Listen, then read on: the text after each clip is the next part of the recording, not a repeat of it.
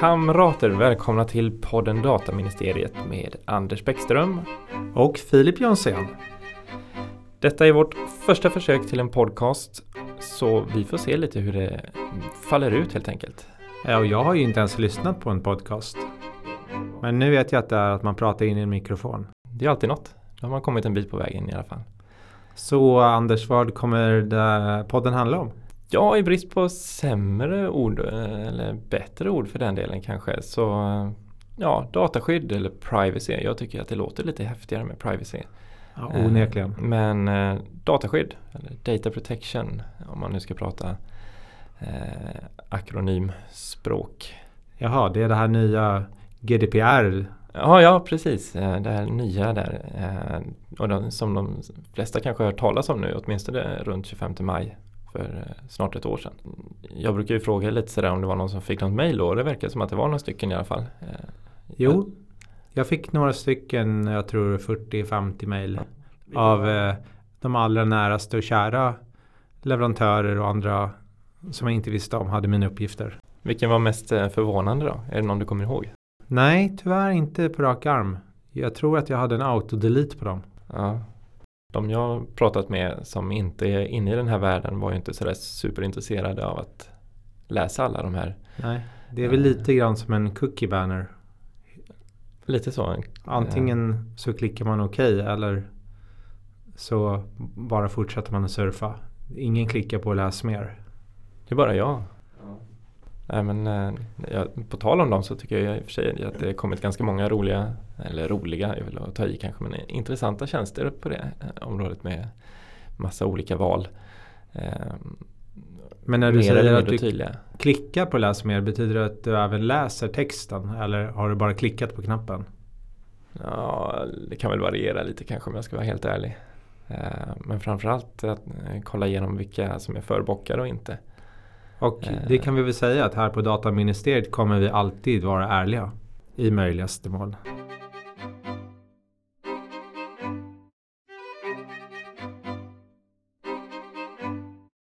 Filip, du kan väl... Eh, jag såg ju den här punkten med studion här. Ja. Jo, vi satte ju upp studion här i förra veckan. Den eh, är i ett mycket litet rum på praktiken som det kallas. Det vill säga min faders gamla tandläkarmottagning som inte har varit i drift på ett antal år. Ehm, det är en liten lägenhet eller en, en ganska stor lägenhet i Vasastan som numera är studio tillika förråd. Väldigt intressant kombination. Eh, förhoppningsvis så är det ju något som ändå inte ska avskräcka folk. För vi har ju en tanke ändå att vi ska kunna bjuda in lite personer ja. som eh, förhoppningsvis vill eh, berätta mer om sig själva kanske i, i den mån de vågar eh, och framförallt eh, ja, vad ska man säga, svara lite på en del frågor och funderingar som vi har. Och vi gjorde ju faktiskt en väg genom bråtet så att de kan komma till studion. Ja, ja men eh, det borde vara eh, lätt att ta sig in eh, åtminstone. Ut är väl en annan femma. Och varför ska man då lyssna på oss? Jo, det finns en mängd anledningar till det. En är att vi är dataskyddsnördar. Ja, ja men precis. Eh, det kan väl säga att det var väl ingenting som jag trodde för egen del för kanske tre år sedan. Sådär. Men eh, jag är ju då en av de som är ganska nya in på det, sena in på det. Eh, men Filip, du har ju lite längre erfarenhet. Jag är ju lite förstörd Häromdagen sa ju en kollega att jag i princip hade en osund inställning till dataskydd. Med det menade hon nog att jag kanske Sparar uppgifter i håller på lite för mycket med eh, dataskydd på fritiden. Som nu? Som nu. Ja. Um, tid är ju värdefullt. Ja, ja, ja, men de säger ju det. Eh, och det är väl det också. Ja, ja det är osannolikt att man har jobbat med dataskydd i tio år, ett helt decennium. Ja. Um, jag kan väl säga att jag kanske inte heller trodde det när jag började med dataskydd. Då för tio år sedan att jag fortfarande skulle hålla på med dataskydd. Eller snarare, då höll jag inte på med dataskydd. För ordet dataskydd fanns inte. Nej, nej, just det. Vad hette det då då? På svenska? Det var nog bara PUL. Ja, kort och jag pulade. Ja, Det var ju, jag jobbar ju i en koncern där vi har bolag i Norge. Det gick ju inte alls hem där Nej. kan man väl säga. Ehm, men eh, det, det fanns inget bättre ord alltså. Nej, det var nog PUL.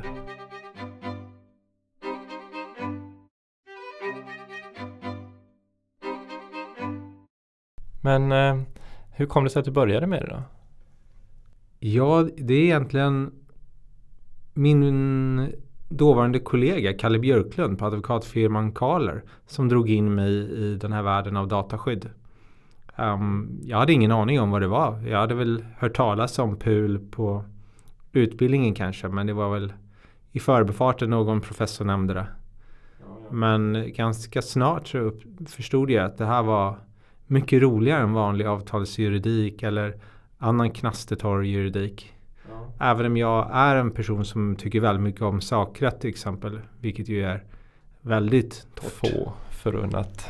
Ja, det ska man väl också säga att vi är ju båda två eh, jurister i, Ja. i grund och botten. Eh, så vi kanske också ska försöka fråga lite personer som inte har samma bakgrund som oss. eh, Det tycker jag. Att vara med. Eh, just för att få in lite sånt som vi kanske inte kan så bra. Åtminstone inte eh, från början så att säga. Men hur hamnade du på spåret dataskydd? Eh, ja, jag jobbade ju inom ett av dotterbolagen i den koncernen som jag är på nu.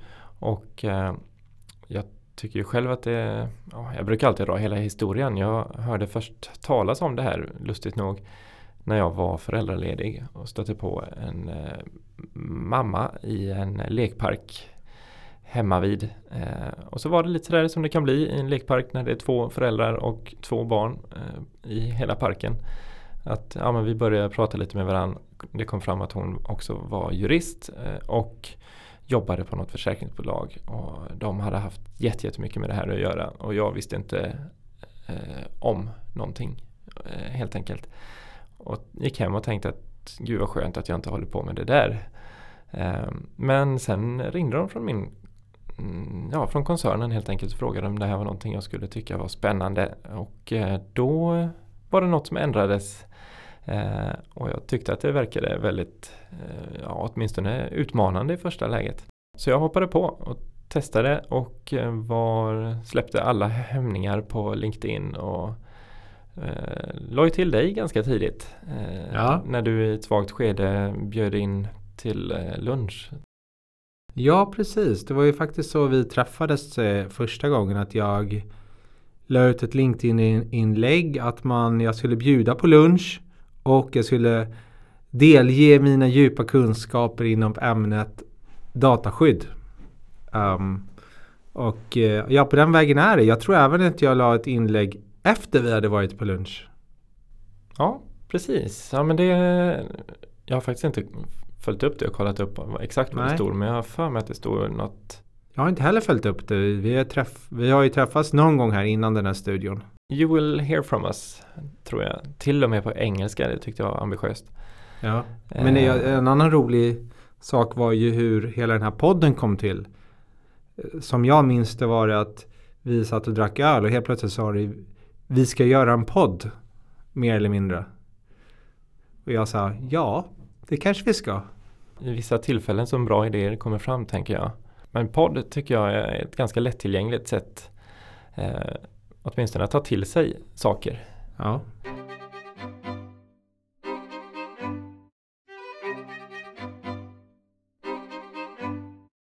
Men ska vi ta några korta frågor också?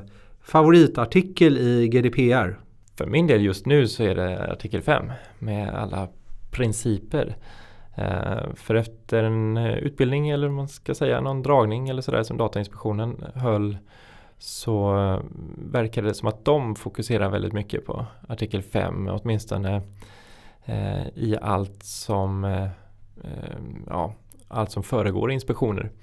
Ehm, eh, och då tänkte jag väl som så att då är det väl lika bra för oss att vi satsar på artikel 5 först och främst och försöker göra det lättillgängligt eller så tillgängligt som möjligt för folk. Så du tänker på transparens och eller Ja. vilka delar av artikel 5? Ja, egentligen alla de principer som framgår där, lagringsminimering och allt vad det är, ändamålsbegränsning. Ehm, och ja, ansvarsskyldighet, icke att förglömma. Eh, så det kan man väl säga att så lägger vi upp våra interna utbildningar framförallt för ja, ja, men för, som träffar så brett som möjligt. Eh, så att så många som möjligt får en uppfattning om vad det är istället för att börja rabbla att detta står i artikel si och så. Nej, men jag kan hålla med. Det är också om man spårar tillbaka så kommer ju de från OECDs eh, dataskyddsprinciper. De har ju överlevt i princip samma grundprinciper sedan den moderna dataskyddet föddes.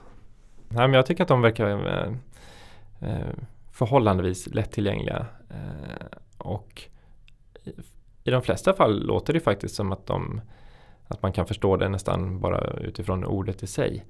Eh, utom i, ja, vad är det, första principen där med eh, när de använder något korrekthet på, på svenska och det är mm. fairness på engelska eller rimlighet på danska. Min danska är inte alltid den bästa faktiskt.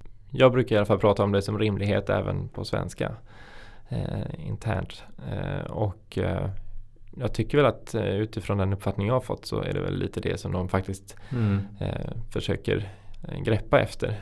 Vad som är rimligt i förhållande till den registrerade eller enskilde. Ja, precis. Det är ändå en, en av de två utgångspunkterna är ju den enskilde individen.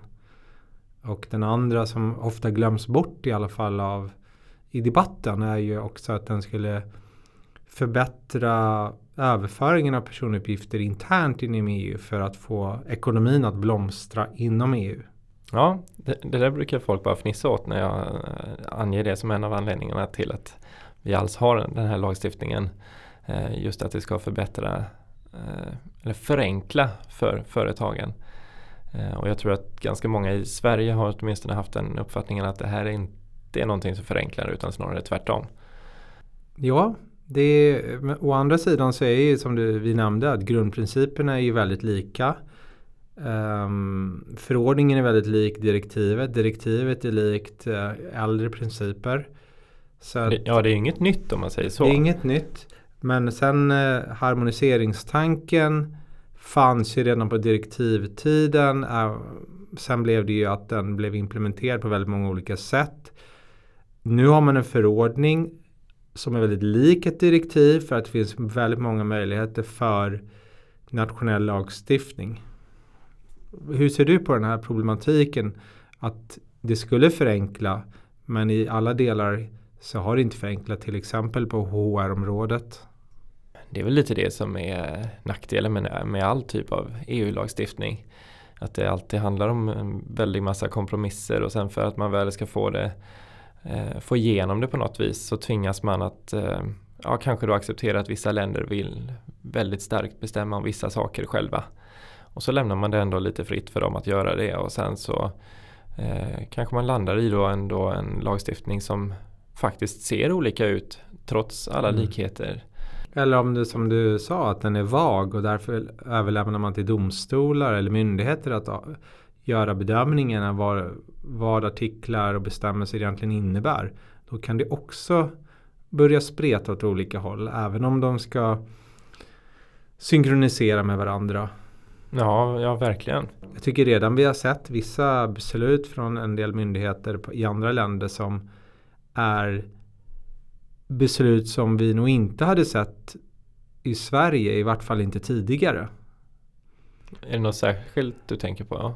Ja, till exempel bedömningen av storlek på det som ibland kallas böter eller administrativa sanktionsavgifter vilka frågor man tar upp på andra myndigheter kanske inte har varit det som har varit i fokus helt och hållet ehm, och liknande. Och där tror jag vi kommer få se mycket mer harmonisering.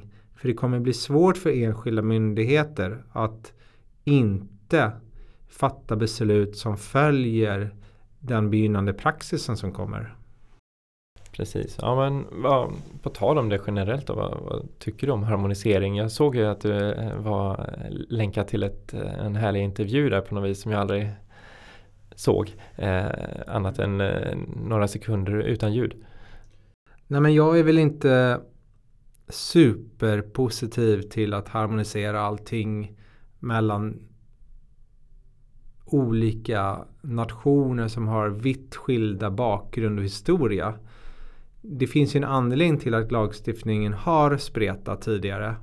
Och det beror ju på att ungefär hälften av Europas länder, eller i alla fall länderna i EU, har ju varit diktaturer eller motsvarande totalitära regimer från andra världskrigets tid fram till nu, alltså under någon, av, någon tidsperiod under de senaste 60 åren. Det är klart att det sätter sin prägel på de länderna. Medan vi har varit naiva i viss mån och det har gått bra för Sverige. Och då har man inte behövt bry sig så mycket. Nej, precis. Nej, men det kan man väl säga. Just naiviteten där tycker jag är ganska in intressant generellt.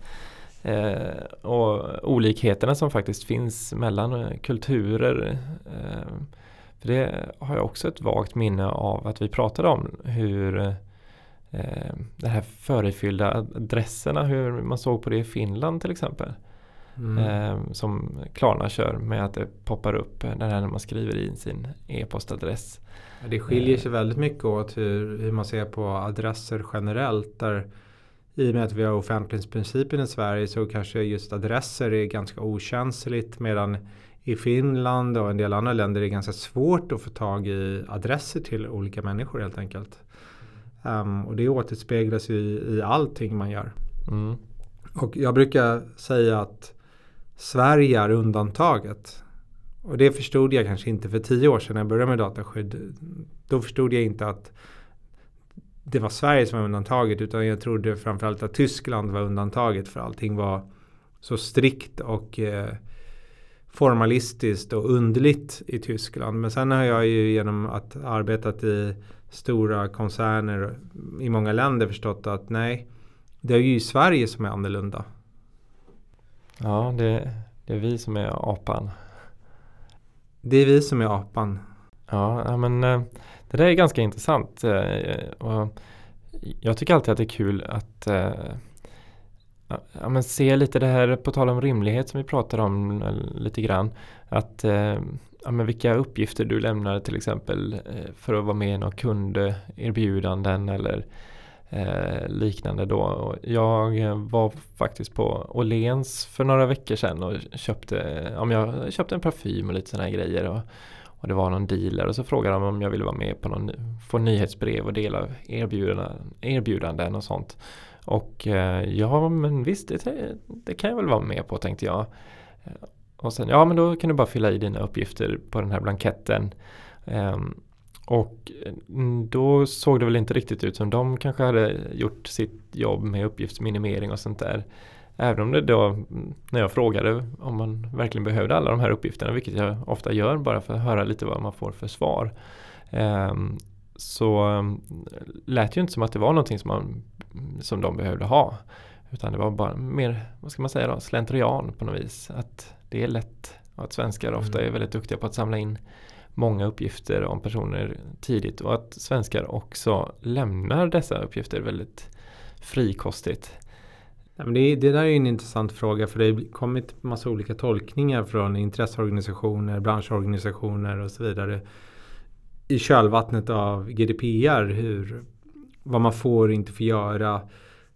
Jag har barn på förskolan där har det varit väldigt mycket att man säger nej nu kan vi inte göra si och nu kan vi inte göra så på grund av GDPR. Mm man kommer in i en butik, man kan inte längre säga sitt personnummer högt. Nej. Men man kan blippa sitt körkort som innehåller mycket mer information. Mm. Och så vidare. Så det, det, är väldigt intressant att se olika tolkningar. Och eh, ja, det intressantaste är ju på förskolan alla märkliga saker som har hänt. Ja, eh, det, det var ganska mycket med, ja men foton fick man inte ta alls. Eh, och de fick väl knappt Eh, ja, jag minns inte riktigt alla de här turerna som var framförallt för snart ett år sedan. Mm. Nej, jag kommer inte heller ihåg längre men det var bara häromdagen som någon av pedagogerna på förskolan nämnde någonting om GDPR. Ja. Och eftersom man då har jobbat med, med det i sen 2012 så fnissar i alla fall jag lite tyst. Mm, mm, mm. Men eh, jag har något eh, vagt minne av just i det där sammanhanget att det var eh, ja, till och med så att det var fara för någon elev om det var i skolan som var, var allergisk egentligen. Men de eh, ville inte behålla känsliga uppgifter då som de hade tolkat det. Och eh, ja, sluta med livsfara istället. Och det blev väl lite tokigt. Ja men det har ju gått överstyr. Det är ju som när man ska anmäla sig till konferenser och allt möjligt idag. När de, när de inte längre vågar fråga om man är allergisk eller om man har några speciella kostpreferenser för att de är så rädda för att registrera personuppgifter. Och då kan det ju uppstå andra situationer som sagt istället. Ja men precis, men det är väl mycket, alltså, vissa av de här uppgifterna som man tvingas eller som är bra att lämna kan ju vara eh, men Jag äter ju helst vegetariskt men jag ser mig inte som vegetarian. Jag äter ju bara vegetariskt. Och ser dig själv som vegetarian. Ja. I mitt fall är det ju dessutom en övertygelse ja, ja. om miljön. Ja. Så då, då, det är förmodligen en uppgift av särskild kategori. Det är min övertygelse om att man inte ska äta kött, eh, fisk eller andra djur. Ja, ja, men, ja men precis. Men det är väl det som är ganska intressant också med eh, dataskydd eller privacy. Att så mycket handlar om individer. Mm. Alltså att det är väldigt, väldigt subjektivt. Inte bara kulturellt betingat. Utan väldigt subjektivt. Eh, sen tycker jag att det är alltid det är ganska kul att tänka sig svenskar vid ett fikabord. Att man eh, som svensk har svårare att prata om vad du tjänar i lön jämfört med att till exempel prata, ja, men prata om senaste läkarbesöket i stort sett eller någon operation eller något. Ja, där har du nog eh, rätt. Sånt spännande där de flesta ganska, ja, men i Sverige så är det ofta så, eller jag har upplevt det så med många kollegor eh, utan att nämna några namn då. Eh, men det är väldigt många faktiskt, ja, men alla på arbetsplatsen vet om om den här personen är pollenallergiker eller inte. Eh, och eh, det är ju ingenting som de här individerna sett som någonting känsligt att informera om utan det bara är ju så. Och det är något som man vill prata om för att det är någonting som man tycker är besvärligt eller Ja, nu får vi verkligen tänka oss för här för att vi kommer få en ganska stor publik. Ja, det är klart. Um, jag är ju pollenallergiker. Aj då. Ja. Aj då.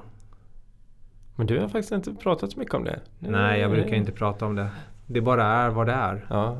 Jag har även tinnitus. Så nu har jag pratat om två åkommor eller sjukdomar. Men jag kommer inte avslöja min lön. Nej, ja, men det är bra. Men Nej. vill du göra tvärtom? Nej, jag avstår nog båda delar kan väl säga att jag ser väldigt dåligt men det syns så fort man ser mig. Fast det här är, det här är inte en C-podd. Nej, nej, nej, inte ännu. Det kanske blir en VOD så småningom om det är någon som har eh, det intresset. Jag tror inte det. Nej.